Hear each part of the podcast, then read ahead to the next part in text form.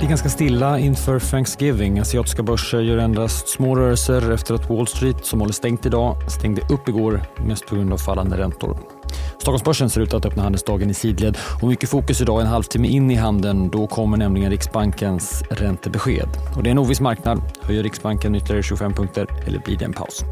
Det här är Din Morgonkoll. Det är torsdag den 23 november och jag heter Alexander Klar. Det är ganska stilla i Asien. Kinesiska fastighetsbolag fortsätter uppåt. Krisande Country Garden exempelvis är upp ytterligare 10 procent. Det har tidigare talats om ett 50-tal fastighetsbolag som ska kunna få statliga stöd för att hantera sina ekonomiska utmaningar. Nu kommer uppgifter om att det bekräftas att Country Garden är ett av bolagen på den här listan. Det finns andra kinesiska fastighetsaktier som rusar så mycket som 30 procent idag.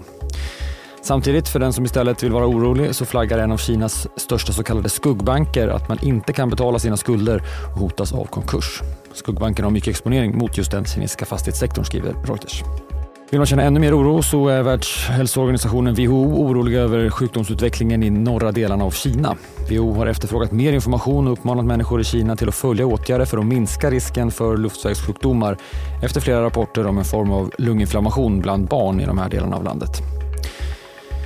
Det är också stängt på flera håll i Asien. Tokyobörsen håller helgstängt, vilket också USA gör idag på grund av Thanksgiving. Wall Street stängde igår upp kring en halv procent. Långräntorna backar och tioåringen är nu återigen kring 4,40 vilket är i nivå med vad vi såg i mitten av september.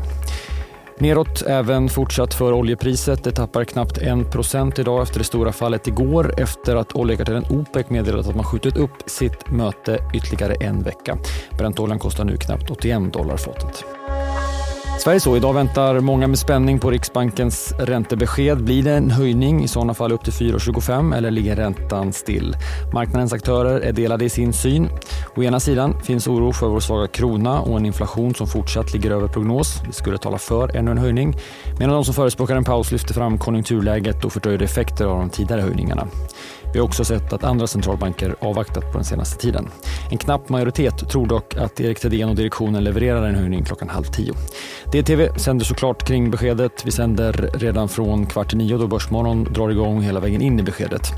I övrigt på dagens agenda så får vi en del inköpschefsindex. Brittisk, tysk och fransk med övriga Europa under förmiddagen.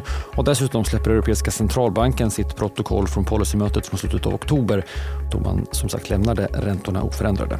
Flera nyheter hittar ni som vanligt på di.se där bland annat eh, fortsatta granskningen av Alectas investering i Heimstaden fortsätter. Nu visar det sig att flera tidigare chefer hos Alecta numera jobbar för Heimstadens största ägare. Det är Morgonkoll. Jag är tillbaka igen imorgon bitti. Jag heter Alexander Klar.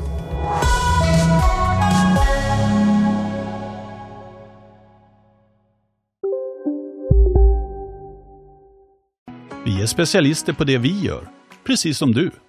Därför försäkrar vi på Swedea bara småföretag, som ditt. För oss är små företag alltid större än stora och vår företagsförsäkring anpassar sig helt efter firmans förutsättningar.